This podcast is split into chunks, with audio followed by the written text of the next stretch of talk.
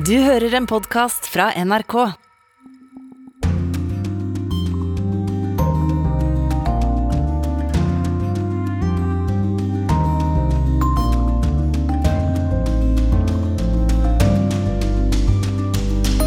Hvem går av med seieren i Frankrike i morgen? Macron vinner i hvert fall kampen om oppmerksomheten med en oppkneppet skjorte og hårete brystkasse.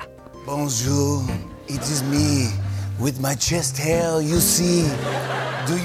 I over ett år har USA og Iran forhandlet om en ny atomavtale. Nå er situasjonen mer fastlåst enn på lenge. Yours. Yours yours. New Yorks tidligere borgermester og Trump-allierte Rudy Giuliani får kraftig kritikk for sitt sangstunt. Og i Sverige forsøker en rasismedømt tidligere danske å vinne fram i valget. Mens Brasil feirer at de endelig kan ha karneval igjen. Velkommen til Urix på lørdag, i studio Anja Strønen. Og der skal vi så klart først til krigen i Ukraina. Og vi skal straks øst i Ukraina og til Moskva, men begynner med våpenleveransen Ukraina nå får. For som vi hørte i Dagsnytt, så er president Zelenskyj fornøyd med at allierte nå leverer det de har bedt om, og torsdag ble det også klart at amerikanerne bidrar med nye 800 millioner dollar i en militær hjelpepakke til Ukraina. Kollega Halvard Sandberg, du følger med på denne militære utviklingen godt. Hvilke type våpen er det Zelenskyj har etterspurt? Mer av alt er vel egentlig svaret på det. Det han spesielt ønsker seg, det er jo de mer moderne vestlige våpnene, for å kalle det det. Altså Ikke de aller mest moderne. Han har ikke bedt om F-35 f.eks. Det han ber om, er fjerdegenerasjons jagerfly, sånn som F-15 og F-16 som vi i Norge kjenner. Ber om stridsvogner. eh, De sånn Leopard 2-stridsvognene som Norge bruker og Tyskland bruker, og Abrams-stridsvognene som amerikanerne bruker. Og artilleri og eh, mye Spesielt luftforsvar har det vært mye. Å nevne spesielt det norske luftforsvarssystemet NASAMS. Det er liksom sånn helt konkret. Mange ganger har ukrainerne bedt om dette, som er sånn høykapabelt eh, luftforsvar for bruk mot mål som er i liksom alle høyder. da. Ikke det derre nærforsvarluftvernet som de har fått veldig mye av til nå. Hva er det de kan oppnå hvis de får det de ber om? Hvis de får alt de ber om, og eh, ukrainerne blir trent i å bruke det, så eh, er det jo plutselig blitt en Nato-hær med den kapasiteten en Nato-hær har. Og da tydeligvis så eh, er det lite som russerne kunne stå opp imot den type våpen. Hva med Norge, hva har vi bidratt med? Vi har bidratt med sånne lette panservernvåpen, altså som kan eh, skyte stykker litt sånn lettpansra vogner på kort avstand. M72 heter de, sånne små rakettvåpen. Og nå hjelmer og beskyttelsesvester og sånt nå. Og så denne uken her så sendte vi av gårde 100 missiler som er ment mot fly, noen sånne gamle greier som vi hadde i Sjøforsvaret som vi nå skal bytte ut, og som vi da nå sender vi det til Ukraina. Det er Norges bidrag til nå, som vi veit om. Som vi vet om. Ja. For det foregår veldig mye som vi ikke vet om. Og Norge har det med å fortelle til omverdenen at dette har vi bidratt med, når det allerede er på plass. Og dette kan vel skje i forhold til andre land også? Helt riktig. Det kan foregå mye, mye, mye mye nå som vi ikke eh, vet om. Eh, Så du, hvis du ikke forteller det, så kan du jo heller ikke motparten si at dette er gærent. Når vi ser på hva ukrainerne har fått til nå, kontra hva russerne har, hvordan ligger styrkeforholdet nå? På det militære utstyret? Ja, Når det gjelder stridsvogner, så er det slik det at uh, ukrainerne nå har faktisk flere stridsvogner enn russerne inne i landet. Men russerne har litt mer moderne stridsvogner enn det ukrainerne har. Når det gjelder fly, så er fortsatt eh, helt opplagt at russerne er totalt overveldende. Når det gjelder slik som eh, missiler så, og presisjonsvåpen, så er russerne helt langt forbi ukrainerne. Når det gjelder personell, soldater, så er de omtrent like. Så det som blir fortalt, er ikke nødvendigvis kvaliteten på utstyret, men kvaliteten på moralen til soldatene. Det er det som er det avgjørende. Og der ser det ut til at ukrainerne leder totalt. Er det uproblematisk at alle land som sier de ikke deltar direkte i krigen, pøser på med våpenhjelp til Ukraina? Det er jo egentlig ikke uproblematisk for Russland. Fordi det er jo egentlig ikke uproblematisk uh, ut fra hva er det Russland kan tenke seg å gjøre. Nettopp. Men det har skjedd et skifte uh, nå i den nyere tid. For i begynnelsen så var det sånn nei, ikke offensive våpen. Luftvern, ja, det kan du forsvare mot fly, men ikke ting du kan bruke i et angrep. Men det kommer nå. Ja. Og det kan jo hende det at det om en viss tid så vil man gå en grad høyere opp igjen med mye mer offensive våpen, enda hardere ting som blir levert inn til Ukraina. Fordi at Russland har ikke reagert på noen annen måte å si at dette her er ikke bra. Hva ser du komme framover nå? Jeg vil anta at det blir en stadig opptrapping i hva som leveres til Ukraina. Eh, fordi at eh, du kan tenke deg at eh, Putin er en frosk i et stadig varmere vann, og hopper ikke ut selv om det begynner å nærme seg kokepunktet. Det er et sånt klassisk bilde. Slik at du trapper opp hele tiden den offensive hjelpen til Ukraina, slik at det aldri når en sånn skarp sånn grense hvor Russland reagerer med å gjøre noe som f.eks. angripe Polen med missiler eller noe for å vise at dette liker vi ikke. Og at det da blir en stadig opptrapping frem til at vi kanskje til og med har hele avdelinger eh, fra vestlige land som slåss i Ukraina, men de slåss med ukrainske uniformer. De er lånt ut til Ukraina som frivillige, på en måte. Det er mange eksempler gjennom krigshistorien at det har skjedd. Takk skal du ha, kollega Halvard Sandberg. Og da går vi til Ukraina, nærmere bestemt Nipro øst i landet. Og der er du, Eirik Wiem. Hvordan er situasjonen der? Jeg vil si at Stemningen her i Dnipro den eh, virker på meg til å være ganske avventende. Man vet jo at eh, ikke mange milene unna så pågår det omfattende krigshandlinger. og Det er det det også kommer meldinger om eh, i dag. At russerne har gjennomført ganske ja, ja, jeg vil kalle det omfattende luftangrep da, mot flere byer i det østlige Ukraina. Samtidig så kommer det opplysninger fra britisk etterretning om at den eh, russiske fremgangen den er forholdsvis liten. De befester posisjonene sine, men de rykker ikke fremover i, eh, i betydelig omfang. Vi har også med Moskva-korrespondent Jan Espen Kruse. Og i går så sa en russisk general at russerne vil ta hele den sørlige delen av Ukraina fram til Moldova. Hva vil dette medføre? Ja, Dette kan være det første innblikket vi har sett i russernes mer langsiktige militære planer.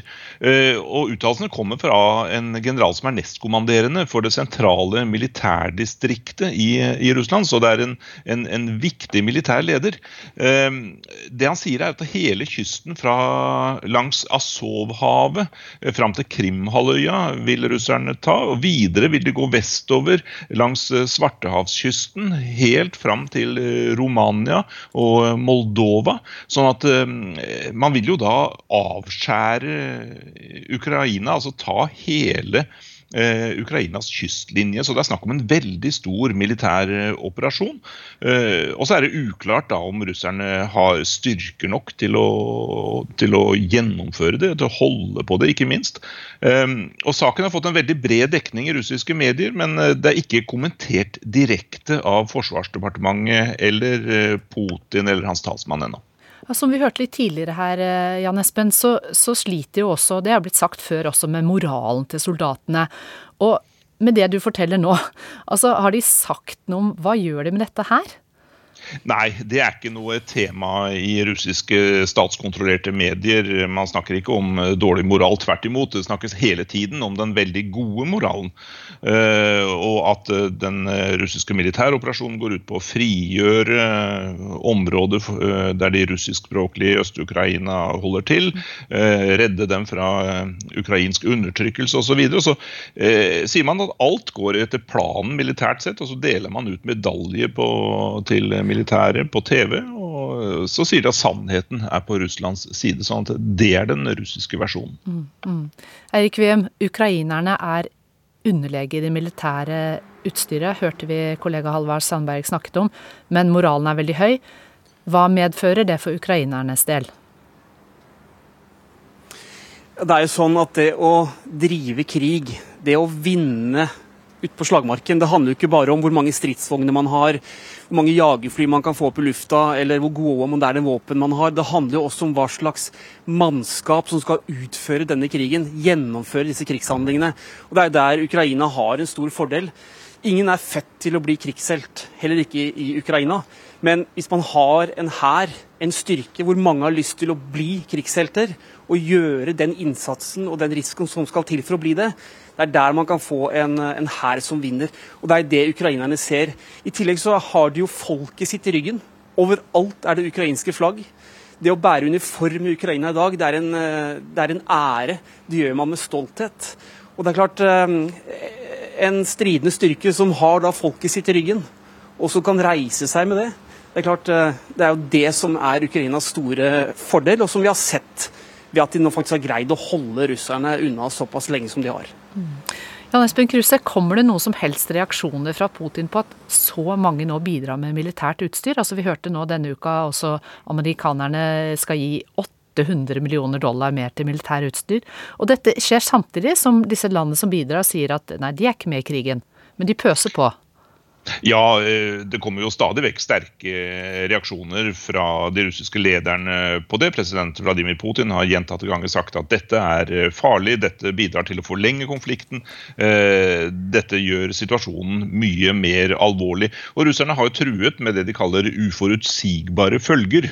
At de kommer til å svare på, på, dette her på et eller annet vis, uten at de har presisert hva det vil bli. Så der sitter man vel fra vestlig side og lurer på eh, hva kan disse uforutsigbare følgene bli. Kan det bli angrep eh, mot eh, Nato-land, eller vil man først og fremst forsøke at russerne tar de våpenforsyningene så snart de har kryssa grensa inn i Ukraina? Det er vel kanskje det som er mest sannsynlig. Helt kort til dere begge her til slutt. Eh, FNs generalsekretær Antonio Guterres skal møte både Putin og så Zelenskyj, ikke samtidig, da, neste uke. Skal vi ha noe håp eh, om disse møtene? Jan Espen, du først. Eh, det er vel ikke realistisk at det skal komme veldig mye ut av det, men det er viktig at det skjer, at eh, det blir samtaler. Men eh, Russland har jo kritisert eh, Guterres veldig kraftig fordi han har fordømt den russiske militære aksjonen. Så forholdet mellom FN og Russland for tiden er ikke veldig bra. Kort til deg, Eirik. Ja, det vil jo være sånn at Så lenge man snakker sammen på et eller annet nivå, som her da indirekte gjennom FN, så er det jo håp. Og Det er det håpet vi må, vi må forsøke å holde på, så lenge det er mulig. Takk Eirik Veum og Jan Espen Kruse. Og denne krigen i Ukraina har ført til bekymringer i flere av Russland sine naboland, spesielt i Georgia. Der er mange redde, for det er bare 14 år siden det sist var krig mellom de to landene. En krig som endte med at Russland i dag kontrollerer rundt 20% av Georgia. Og vi har møtt noen av dem som nå har lagt en plan for hva de skal gjøre dersom Russland angriper igjen.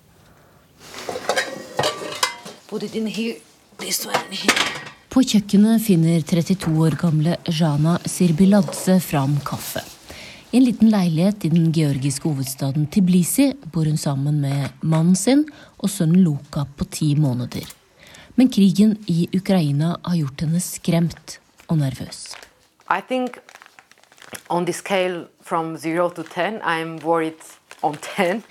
På en skala fra én til ti er jeg på ti når det kommer til å være bekymra, sier Jana. At Russland invaderte Ukraina var et sjokk. Nå er hun oppriktig bekymra for at det samme kan skje med Georgia. We are worried that something similar might happen to Georgia, and there will be literally no one uh, who can defend our country. Rundt håndleddet har Jana et blått og gult sløyfebånd, fargene til det ukrainske flagget. For henne er ukrainernes kamp mot Russland også georgiernes kamp. Det er hun ikke aleine om å mene. På gata i Tiblisi møter NRK georgiere som deler Janas bekymring. If Ukraine defeat uh, in, in this war, of course the next one will be Georgia. Yeah, of course. I'm uh, so much worried, yes. I likhet med Ukraina var Georgia en del av Sovjetunionen. Begge land har i mange år også jobba for å bli medlem av Nato og EU uten å lykkes.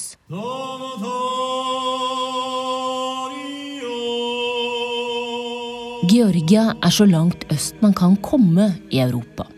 kjent for bl.a. vakre fjell, stor vinproduksjon og flerstemt folkemusikk. Landet ligger klemt mellom to store naboer, Tyrkia i sør og Russland i nord. Men forholdet til Russland er problematisk. I dag kontrollerer russerne de georgiske republikkene Abkhasia og Sør-Osetia rundt 20% av landets territorium. Det er bare 14 år siden russiske styrker gikk inn i Georgia. I remember days and mornings and evenings, the sound of the bombing and the sound of the aircraft, aircrafts flying very low uh, over my house, and I, I could see my city bombed and Jana forteller om krigen i 2008. Hun var 17 år gammel og på sommerferie i hjembyen Gori.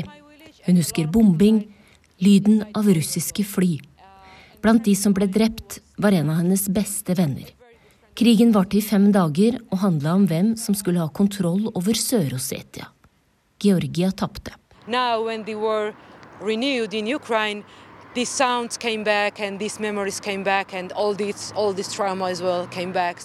Krigen i Ukraina har gjort at de vonde minnene fra dagene i 2008 har kommet tilbake igjen, sier Jana.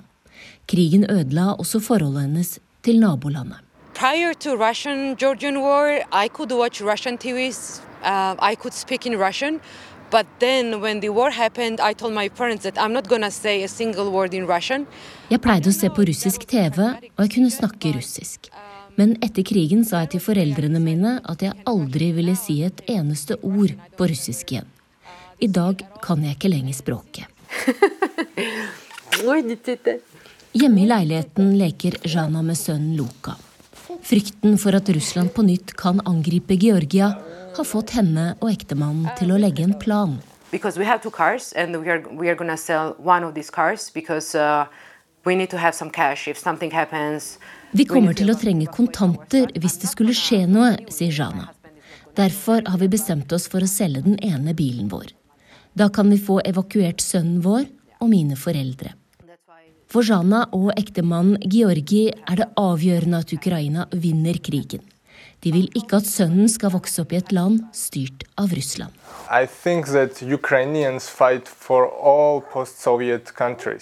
Jeg mener at Ukraina kjemper for alle de postsovjetiske landene, sier Georgi.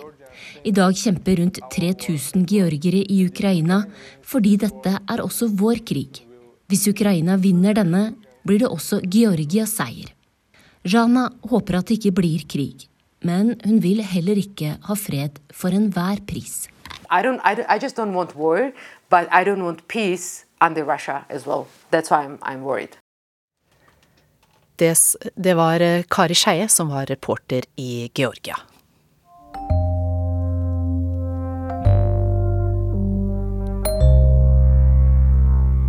I morgendagens presidentvalg i Frankrike så leder den sittende presidenten med ja, grei margin foran utfordreren Marine Le Pen, men det er flere ting som kan gå galt for Emmanuel Macron, og han minner stadig om at seieren ikke er sikret.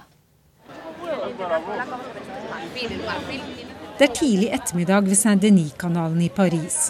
Her har folk satt seg ned ved vannet. Her nyter de vårsola. Vi møter Mahadamadou, Han sitter på en benk i en liten jobbpause. Han tilhører den gruppen som Le Pen og Macron har prøvd å lokke opp av sofaen og inn i stemmelokalene. Men Mahad Amadou er hjemmesitter. Non, la vote, euh, euh, ça m'intéresse pas.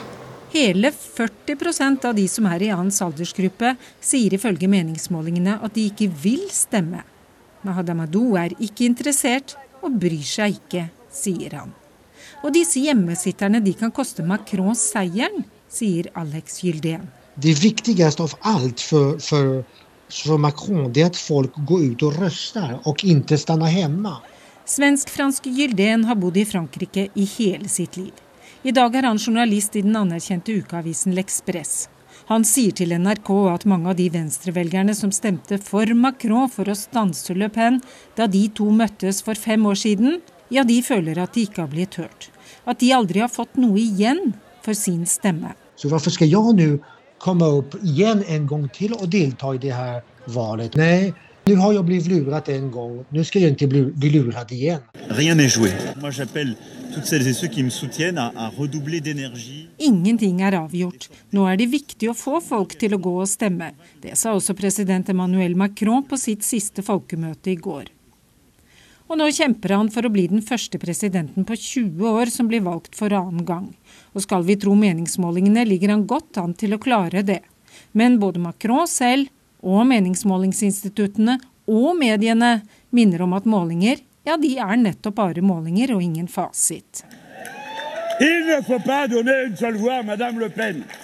Jean-Luc Mélenchon fikk velgerne fra venstresiden. Over sju millioner stemmer fikk han. Hvem får de stemmene nå? Il ne faut pas donner une seule voix à Madame Le Pen. Og selv om Mélenchon hele tre ganger sa at man ikke måtte finne på å stemme på Le Pen, så sa han ingenting om at hans velgere burde gjøre som Rouen og stemme på Macron. Rouen er en av dem som stemte Venstre i første valgomgang. Nå stemmer han på Macron, men det er fordi han er mot Le Pen. Et encore une fois, je vais voter euh, contre quelqu'un plutôt que pour quelqu'un. Je peux demander qui? Je vais voter contre Marine Le Pen.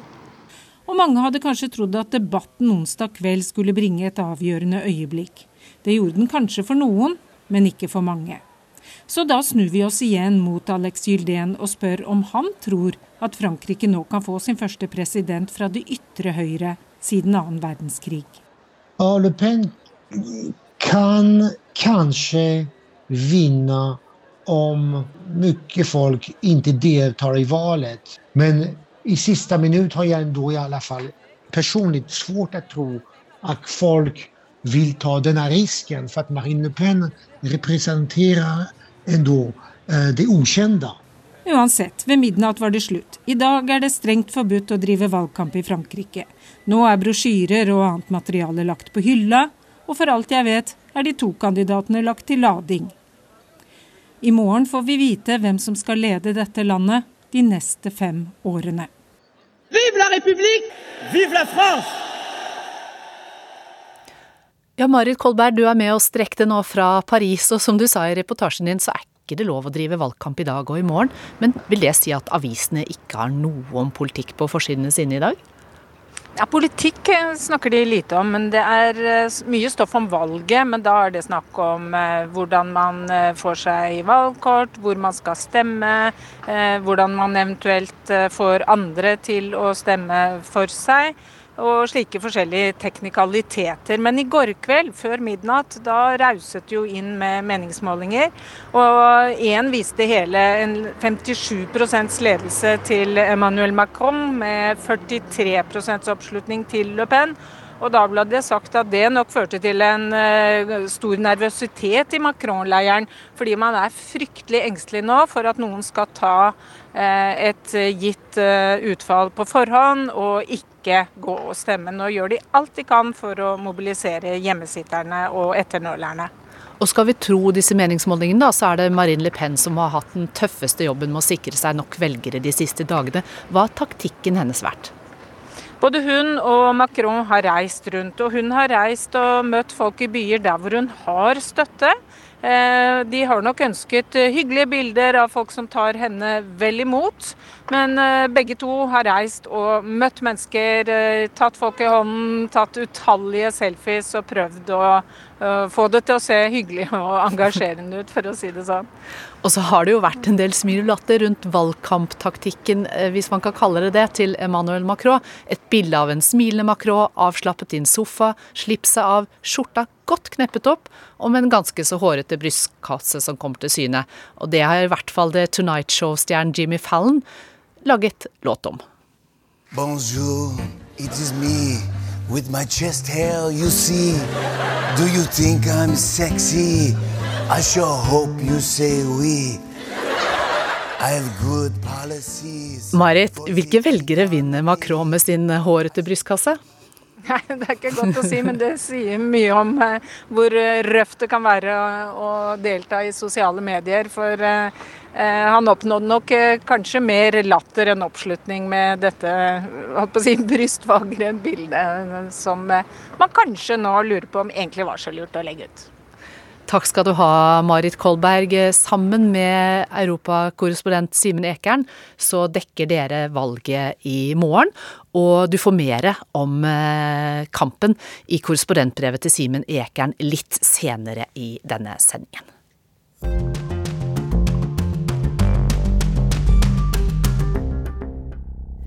I over et år så har USA og Iran forhandlet om en ny atomavtale.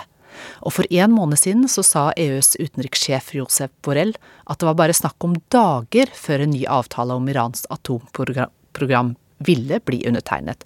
Men nå så ser situasjonen ut til å være mer fastlåst enn på lenge. Til hornmusikk glir rekken med vogntog lastet med missiler, jagerfly og stridsvogner forbi scenen med Irans president Ebrahim Raisi. Presteregimet viste militære muskler tidligere denne uka. Beskjeden er at våre militære styrker er klare til å ramme hjertet av sionistregimet ved det minste fremstøt mot Iran, sa Raisi. Israel har i skyggen av USA og andre vestlige lands forsøk på å blåse liv i atomavtalen satt av halvannen milliard dollar til krigsforberedelser mot nettopp Irans atomprogram. Seniorforskeren ved Norsk utenrikspolitisk institutt frykter utfallet hvis Iran ikke skriver under på en ny avtale som skal hindre at de får atomvåpen. I verste fall eh, så vil dette ende i krig. Det sier Sverre Loddgaard. Og i det ligger kanskje det viktigste argumentet for en avtale. Der ligger eh, liksom avtalens eh, endelige og største betydning i å unngå krig. Today is an historic day. En historisk dag omtalte EUs utenrikssjef Mogherini det da atomavtalen var i boks for sju år siden. This is, uh Israels statsminister Netanyahu kalte det på sin side et feilsteg. Therefore, I am announcing today that the United States will withdraw from the Iran nuclear deal. Donald Trump trakk USA ut av avtalen. Han mente den aldri burde vært inngått. This was a horrible one-sided deal that should have never, ever been made. Trump pøste på med sanksjoner mot Iran, som også rammet vanlige folk med økte priser på mat og andre varer. Til og med olje, som landet er så rikt på. Han ikke bare gjeninnførte de sanksjonene som ble fjernet i 2015, men han la til mange nye lag. Og eh, gjemte unna en del sanksjoner under andre overskrifter, slik at det skulle bli vanskelig så å si å finne dem igjen og å få dem vekk igjen. Men det viktigste grepet fra hans side for å hindre at man skulle greie å komme tilbake til avtalen, eh, det var jo da å føre opp eh, eh, revolusjonsgarden på terrorlista. Og det er altså der vi er nå. For det er nettopp det som har slått som en kile inn i forhandlingene. Irans revolusjonsgarde har bl.a. ansvaret for landets militære utenlandsoperasjoner. Som regimets forlengede arm i utlandet er de anklaget for å støtte global terrorvirksomhet. Dette er første gangen man har ført opp på denne lista en del av et regjeringsapparat. Og i det ligger altså alvoret. I mars mente EUs nåværende utenrikssjef Josef Borrell likevel at de var nær en løsning. We are very close to an agreement. And I hope it will be possible because now we are discussing about collateral issues that have nothing to do with the core of the nuclear deal. Vi forhandler nå om sikkerhetsspørsmål som ikke går til kjernen av atomavtalen, sa han. Men siden har samtalene stoppet opp. Lodgaard tror likevel på en løsning. Heller i den retning, også fordi at det er en del andre elementer som kommer inn i bildet eh, for USAs vedkommende. Eh, inflasjonspresset er høyt. Prisen ved pumpene, som det heter, er også gått opp. Og det er en alvorlig politisk sak i USA.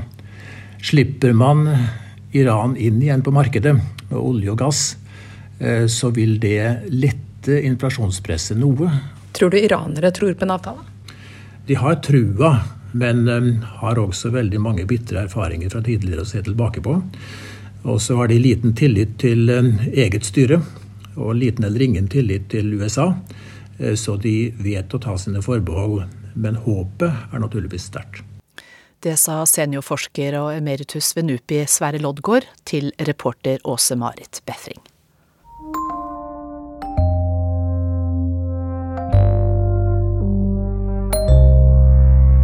Den amerikanske versjonen av Maskorama har skapt bølger. For da Rudy Giuliani steg ut av et troll i eskekostyme, gikk en av dommerne ut av salen i protest. Giuliani er ikke bare New Yorks tidligere borgermester, han var også president Donald Trumps nære allierte. En svært kontroversiell advokat som mente at valget i 2020 ble stjålet fra Trump. I want to be yours, pretty baby. Yours and yours alone. I'm here to tell you, honey,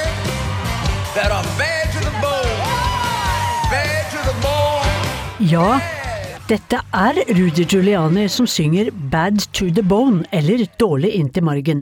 Iført et hanekostyme mens han sitter oppi en stor boks.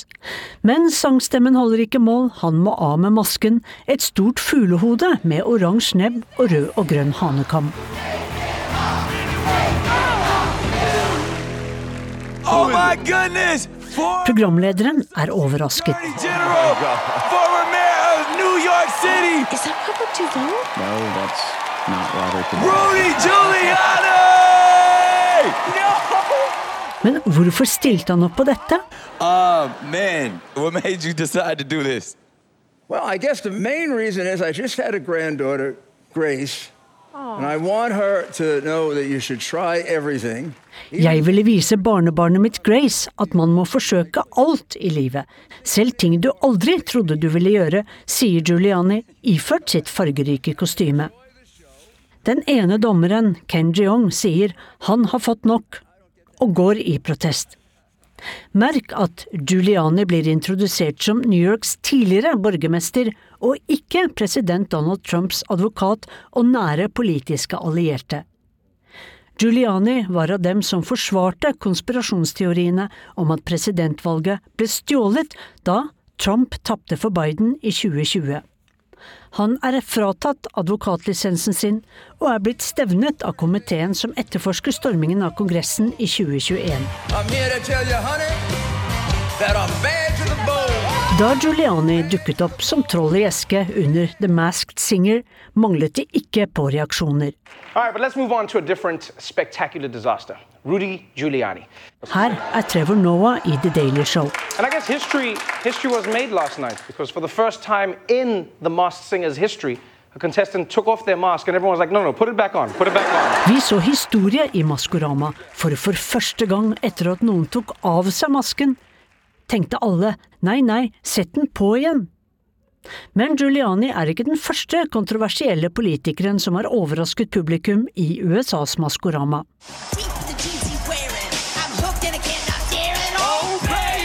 Guvernør og tidligere visepresidentkandidat Sarah Palin dukket nylig frem fra et rosa bjørnekostyme. Men Rudy Giulianis deltakelse vakte større oppmerksomhet. Som i programmet Morning Joe på MSNBC med Joe Scarborough og Mika Brzezinski. You have a guy who was involved in a plot to overthrow American democracy, Uh-huh. uh, and uh, he was invited on a a reality TV show. Her er en fyr som forsøkte å velte demokratiet i USA, og han blir invitert inn i et realityshow. Det må være for å få opp seertallene. Er det et hanekostyme han har på seg? The attempt to overthrow American democracy. We'll Vel, the jeg er mer bekymret for at deltakeren forsøkte å velte demokratiet vårt, sier Scarborough, som viser til stormingen av Kongressen. Det var reporter Sissel Wold som hadde fått fornøyelsen av å dukke ned i Rudy Giuliani sitt sangtalent. Og USA-korrespondent eh, Tove Bjørgaas, skal, skal vi le eller grine av dette her? Ja, nei, det, er, det, er, det er ikke så lett å vite helt hva man skal gjøre. Men, men det er ganske mange eh, her som ikke syns dette er noe morsomt i det hele tatt. Vi hørte disse frokost-TV-programlederne som holder til på MSNBC, som er liksom eh, ja, demokratenes frokost-TV-program på et vis, eh, ikke syns dette er noe morsomt i det hele tatt, og mener at han aldri burde ha vært gjest i dette programmet. Og det er jo fordi eh, det er eh, man er ikke bare uenige her, det er en splittelse som går så dypt og så langt inn i kulturlivet. Og, og Giuliani, bare det at han synger 'Bad to the Bone', altså og, og, var mannen som sto og forsvarte eh, at han mente at Trump hadde vunnet valget etter valget sist, og, og også uh, stormingen av Kongressen, det, det, det ble altfor mye for mange her å svelge. Mange mener jo at det som skjedde både etter valget sist og 6.1.2021 eh, var kriminelle handlinger. Og de er jo fortsatt under etterforskning både av politiet og av Kongressen. Så det kan jo tenkes at Giuliani på et eller annet tidspunkt blir tiltalt for noe. Og det er jo det som også gjør at mange reagerer på at han fikk være med her. Ja, hvorfor er reaksjonene så sterke? Det er jo tross alt underholdning. Ja, det er jo underholdning. Og det som er litt interessant, er at med dette, dette programmet ble tatt opp i januar, slutten av januar, tror jeg. Eh, og, og, ble altså sendt nå eh, denne uka. Så mange hadde fått nyss om at han var med her. Og det har allerede svirret eh, rykter om dette i, i sosiale medier.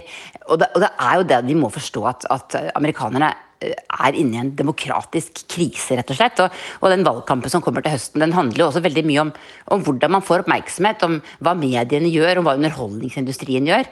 Eh, og, og, Derfor så, så, tror jeg alt som skjer nå, blir tolket med politiske briller. Eh, og, og, det gjør at reaksjonene blir sterke. Og så er det jo selvfølgelig andre på den andre siden eh, som syns at dette er helt ok, og syns at det, eh, man roper og skriker og klager og protesterer på noe som bare er underholdning.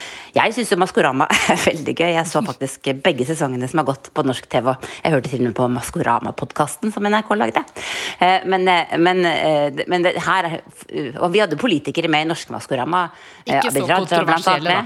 Men ikke så kontroversielle. Det var det jeg skulle si. Det er noe helt annet å se Maskorama med politikere i Norge. Og det handler først og fremst om én ting, og det er at vi har en slags felles kulturplattform som vi står på. Noen medier som de fleste eh, i Norge stoler på.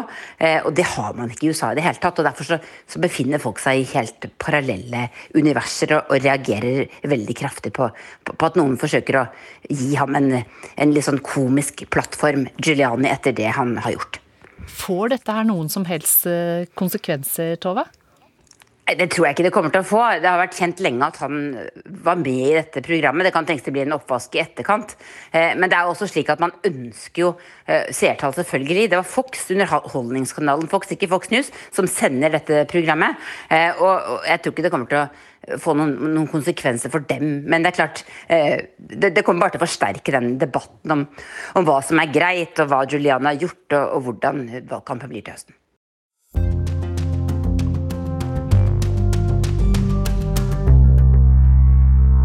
Sverige fikk alt annet enn en rolig påske da Rasmus Paludan startet sin såkalte valgturné. Den rasismedømte dansken har tidligere vært nektet innreise i Sverige i frykt for at han ville begå en forbrytelse. Men i 2020 ble han svensk statsborger, og nå vil han kaste seg inn i årets valgkamp. Og fremgangsmåten den kjenner vi fra valgåret 2019 i Danmark, men utfallet kan bli et annet i Sverige, rapporterer kollega Charlotte Bergløff. Våldsamma upplopp pågår just nu i Örebro där fyra poliser och en privatperson har skadats. Detta efter att högerextrema Rasmus Paludan planerat att bränna en koran i Örebro, något som ännu inte har kunnat genomföras på grund av oroligheterna på plats. Så var han plutselig på alles lepper igjen. Rasmus Paludan den rasismedømte dansken kjent for å reise rundt med koraner, bacon og fyrstikker, som oftest til bydeler med mange etniske minoriteter. Jeg syns personlig at bacon øh, er fint at bo i Koranen. Jeg syns også lort og tiss egner seg godt til, til, Koranen, fordi det er sånn en lortebok. Men, men Fremgangsmåten hans kjenner vi godt fra valgåret 2019 i Danmark. Nå er det valgår i Sverige. Hvilke emner som vil veie tyngst når de går til urnene i september, gjenstår å se. Dansk-svenske Rasmus Paludan ønsker å påvirke valgkampen med sin misjon. Å forby islam og sende alle med såkalt ikke-vestlig bakgrunn ut av Danmark og Sverige. At det er en særlig gruppe av herboende personer, nemlig muslimer, og det er ikke dem alle. I 2017 var det få som fikk med seg at han stiftet partiet Stram kurs og han holdt i 2018 over 50 demonstrasjoner i Danmark i håp om å få oppmerksomhet. Men det var først under hans 17. demonstrasjon i 2019, i påsken, at det smalt i København. Politiet er lige nu tallstærkt til stede på Nørrebro i København. Der er blevet kastet med bl.a. sten mot politiet. Rasmus Paludan hadde plutselig lyktes i å nå et større publikum. Han preget alle overskrifter, og klarte med det å også sanke nok underskrifter til å kunne stille til folketingsvalget i Danmark med partiet Stram kurs. Partistifter Rasmus Paludan, god aften til deg, velkommen i Deadline. Takk. Men det skulle bli vanskeligere å vinne folkets tillit med budskapet til Paludan. Stram kurs som parti vil genopprette Danmarks etnonasjonale homogenitet. Hva betyr etnonasjonal?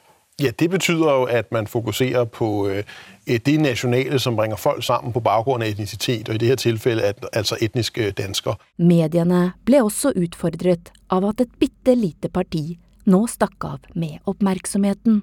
Og nå utfordrer han også de etablerede mediers evne til å håndtere en figur som ham. Ja. Og det er dilemmafylt, og det er vanskelig. Det blir spennende å se Ja. hvordan det kommer til å gå, for det- det er bestemt ikke noen nem oppgave. Og det det handler om nå, det er å sørge for at ikke å veksle det der skete på Nørrebro, til lige plutselig å være sentrum i, Mm. i en dansk valgkamp. Det er altså andre ting og viktigere ting på spil.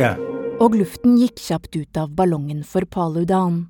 For danske politikere hadde for lengst parkert innvandringsdebatten, med en bred politisk enighet om nettopp en stram kurs på det feltet. Valgkampen ble snarere preget av klima og klassiske velferdsemner som helse og pensjon. Da danskene skulle si sitt, havnet Paludan under sperregrensen. Han ble aldri en folkevalgt politiker i Danmark.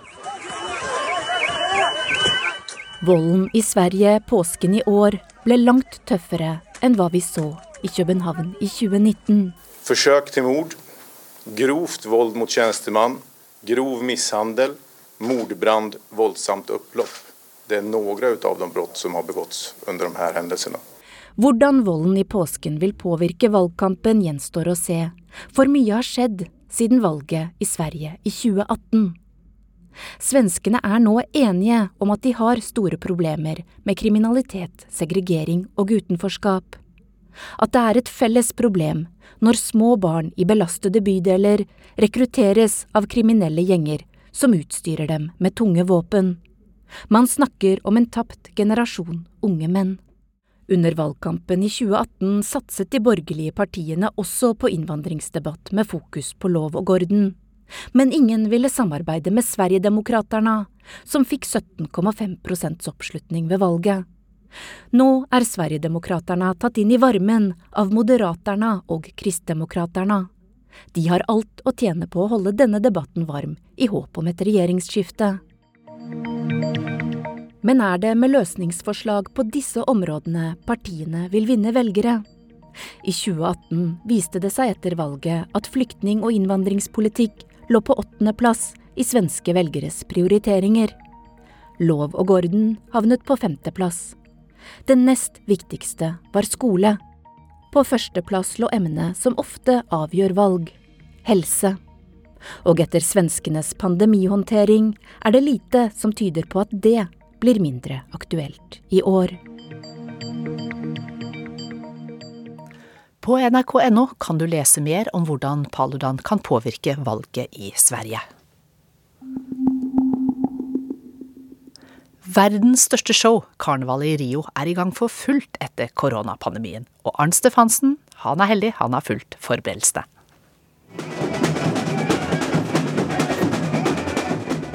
Det er på Sambodromen, Rios sambastadion, det foregår. De praktfulle paradene med tusener av sambaartister er selve symbolet på Rio de Janeiros berømte karneval. Og etter to år med pandemi er den store festen tilbake. Det er en helt spesiell begivenhet, fastslår Milton Cunha, Brasils mest kjente karnevalskommentator.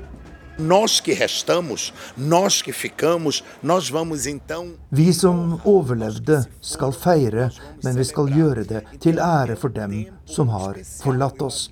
Det er spesielt sterke følelser i sving disse dagene. Et karneval med tårer i øynene. For vi har alle mistet en venn, en slektning eller en bekjent i pandemien, sier TV-kommentatoren til NRK.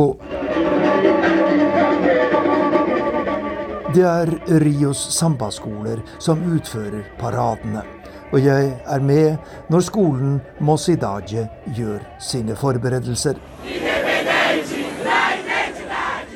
Tre uker før karnevalet har de rundt 4000 sambaartistene samlet seg ved sambastadion til generalprøven på årets parade. Stemningen er høy, og deltakerne lever og ånder for karnevalet. Para mim é uma, um remédio controlado. Faz parte da minha vida. For meg er det en slags medisin under kontroll, smiler den 52 år gamle Sonja Regina. Det er en del av livet. Karnevalet er noe overjordisk. Det er viktig for min helse. Det er en del av alt som er meg, sier 52-åringen. Etter mange timers venting kan de grønnkledde artistene i Mosidaje danse inn på Rios sambastadion. En karnevalsparade består av ulike avdelinger, blant dem av Batteria, rytmeseksjonen som driver frem opptoget med intens presisjon. Selv om det er en prøve, er det tusener av tilskuere på tribunene, og paraden til Mosidaje vekker stor begeistring. Ikke minst hos den 18 år gamle Dandara achei um. Det var en parade full av energi. Skolen er veldig bra, og jeg heier på den. Mosidaje kan godt vinne Rio-karnevalet i år, sier 18-åringen.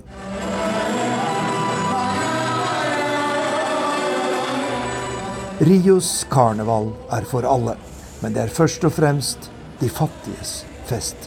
Og alle de fremste sambaskolene kommer fra fattige områder i Rio de Janeiro. Mosidaje holder til i bydelen Padre Miguel i det nordvestlige Rio. Når det er fest i Quadran, skolens samfunnshus, er alle på beina. Og kjærligheten til skolen er sterk. Det er selve gleden her i bydelen vår, sier Fabiana Assunção til NRK.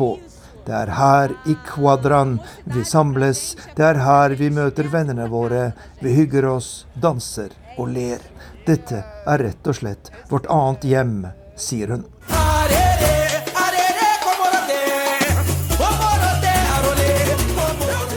At karnevalet er tilbake, er det beste bevis på at Brasil er i ferd med å bli friskmeldt etter pandemien. Karneval er det mest brasilianske som finnes. Det er vår måte å se verden på, fastslår eksperten Milton Cunha. O brasileiro vê o mundo através desse rasgo da carnavalização. Vi brasilianere betrakter verden gjennom karnevalets briller. Det gir oss en anledning til å le, leke, feste, minnes og å være kritisk. Alt er mulig, sier eksperten, som er fast kommentator under karnevalet for Brasils største TV-selskap, og Globo. cidade, os guias da natureza. Meus pretinhos. Og fra samba til andre rytmer i Frankrike, for ukas korrespondentbrev er rykende ferskt fra Simen Eken på valginnspurt i Paris. Fredag denne uken var jeg på jakt etter Marine Le Pen. Rett før midnatt dagen før hadde presseteamet hennes gitt oss en nokså uklar beskjed om hvor valgkampavslutningen skulle finne sted. I nærheten av Abbeville. Dagen etter kom kontrabeskjeden da vi satt på det første morgentoget. Oppmøte i Montreuil-sur-Mer ved bensinstasjonen. Etter tre kvarter i taxi, ved bensinstasjonen, var en gruppe franske journalister i ferd med å sette seg i bilene. Det var ikke her likevel, men i en by en halvtime lenger nord. De gjør alltid dette, sa en kollega og himlet med øynene, for å unngå at demonstranter får tid til å organisere seg. Ved det store markedet i Etable var det ingen demonstranter, mange blide grønnsakshandlere derimot, og et intenst kaos av fotografer, sikkerhetsvakter og selfie-ivrige tenåringer, barn, foreldre og pensjonister. Midt i det kaoset skred Marine Le Pen fram. Hun hilste til høyre, hun hilste til venstre og smilte bredt til alle. Dere har et enkelt valg, sa hun. Macron eller Frankrike. Den aller siste valgkampdagen i det som kan bli Le Pens siste valgkamp, var i gang. I begynnelsen av valgkampen hadde Marine Le Pen så store startvansker at jeg trodde hun hadde tapt før hun hadde kommet ordentlig i gang. Nykommeren Erik Zemmour, den uredde, skandaløse spaltisten og TV-personligheten, virket liksom bedre tilpasset en kaotisk og grenseløs samtid. Mens Marine Le Pen har gjort ytre høyre-partiet sitt rundere i kantene tilsynelatende, kom Zemmour brasende inn fra et sted enda lenger til høyre, væpnet med kompromissløse utspill og sans for støy. Da jeg så ham første gang på et valgmøte i Lille en regnfull oktoberformiddag, hadde han publikum med seg. La classe populaire, de mindre privilegerte klassene, er ikke lenger opptatt av klassekamp, sa han på scenen den formiddagen. De vil heller forsvare seg mot å bli skiftet ut med andre folkeslag. Men så var det likevel kanskje ikke det folk flest var mest opptatt av. Frykten for dårlig råd lå milelangt foran innvandring når franskmenn listet opp hva de er bekymret for i år. Marine Le Pen satset i stedet på kjøpekraft og bensinpriser. Senere den høsten hevdet Marine Le Pen at Zemmour egentlig forakter folk med lavere lønn og mindre prestisjefylt utdanning. Erik Zemmour har ingen mulighet til å komme videre til andre runde, sa hun da jeg spurte henne på en pressekonferanse i Brussel. Hun virket mer overbevist enn jeg kunne se at hun hadde dekning for, men det var tydelig at Le Pen ikke hadde tenkt å gi fra seg ytre høyre-tronen uten kamp. Russlands invasjon av Ukraina endret den franske valgkampen på dramatisk vis, først og fremst for president Macron, som gjorde et kraftig byks på meningsmålingene. Kanskje var det en effekt av at velgere ofte samler seg rundt den som leder landet i krigstider. Kanskje var det de andre hovedkandidatenes tidligere fascinasjon for Putin som skremte. Uansett virket valget plutselig avgjort, og Emmanuel Macron hadde ikke engang startet valgkampen.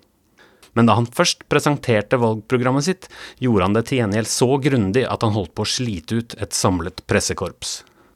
Vi var 250 akkrediterte journalister og fotografer samlet i et konferansesenter i Aubervilliers rett utenfor Paris.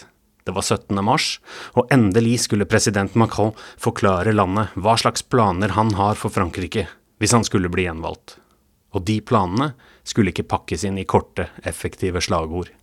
Etter halvannen time var han inne på den andre aksen i den tredje hovedlinjen i den tredje søylen i midten av kjernen i programmet, da han kikket ivrig ut mot salen. Dere må bare si fra hvis det er noe som ikke er klart. Etter hvert ble det tid til spørsmål. Og til endeløse, detaljerte svar. Etter to og en halv time kom han inn på distriktslegenes ønske om mer samvær med kolleger. Deretter var vi innom matsikkerhet på Guadalupe. Nå så Emmanuel Macron enda mer morgenfrisk ut enn da han startet. Han gestikulerte voldsomt mens han snakket om presidentembedets uskrevne lover. Han smilte bredt da han snakket om forenklede prosedyrer i hjemmehjelpen. Etter å ha vært innom cannabis og Mali, helt på tampen, klokket vi inn på fire timer og 15 minutter. Det var imponerende på en måte, men var det effektivt? Det var ikke vanskelig å se at seansen kunne fremstilles som bedrevitersk. Arrogant, kanskje. Marine Le Pen dyrket slike beskrivelser av Macron for alt de var verdt. Et av hans karaktertrekk er en dyp forakt for franskmenn, sa hun i et av sine siste intervjuer da valgkampen nærmet seg slutten. Folkets selvutnevnte talskvinne hadde fått trøbbel på oppløpssiden da ytre venstre-kandidaten Jean-Luc Mélenchon med ett så ut til å fravriste henne plassen i valgets andre og avgjørende runde. Men det ble Le Pen i år igjen. Macron trakk franskmennene tilbake til de siste årenes valgsjokk i sine siste TV-intervjuer før valgkampen ble avsluttet ved midnatt fredag. Brexit-avstemningen, valget av Trump. Hvordan hadde hjemmesitterne det da de oppdaget hva som hadde skjedd? De våknet opp med dundrende hodepine, sa Macron. Hvis dere vil unngå det utenkelige, må dere ta et valg. Det er ikke godt å si hvor urolige franskmenn i dag egentlig blir når noen sier Trump eller brexit til dem. Og det er ikke lenger utenkelig at Marine Le Pen blir president. Men meningsmålingene har ikke gått hennes vei de siste dagene. Den store TV-duellen, der hun skulle ta inn det tapte, den tapte hun. Ved strandpromenaden i Berck-sur-Plage er det minst én kvinne som er av en annen oppfatning. Du gjorde en kjempeinnsats i debatten, roper hun. Marine Le Pen smiler. Den enorme massen av fotografer, sikkerhetsvakter og tilhengere har forflyttet seg til denne byen ved havet i Nord-Pas-de-Calais. Det er et av områdene i Frankrike Marine Le Pen alltid har gjort det godt, og det er her ytre høyre-politikeren skal avslutte sin smilende innsats. En rask tur innom det lokale sykehjemmet, der pasienter i rullestol sitter på rekke og rad for å hilse på. Så en evig lang tur langs stranden. Det er selfie nok til alle. Solen varmer gjennom et tynt skydekke. Vi nærmer oss Sunset Bar, der dagen skal avsluttes. Vi må bevare håpet, sier Le Pen til en tilhenger. Hun vinker og smiler, helt til hun blir geleidet inn i en hvit bil og kjører av gårde inn mot Paris. Urix på lørdag takker for laget. Hør oss når som helst som podkast. Teknisk ansvarlig Jens Jørgen Dammerud. Produsent Ulf Tannesfjell. Og i studio Anja Strøm.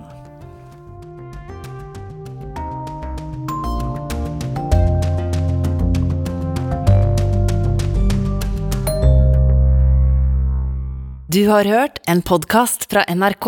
De nyeste episodene hører du først i appen NRK Radio.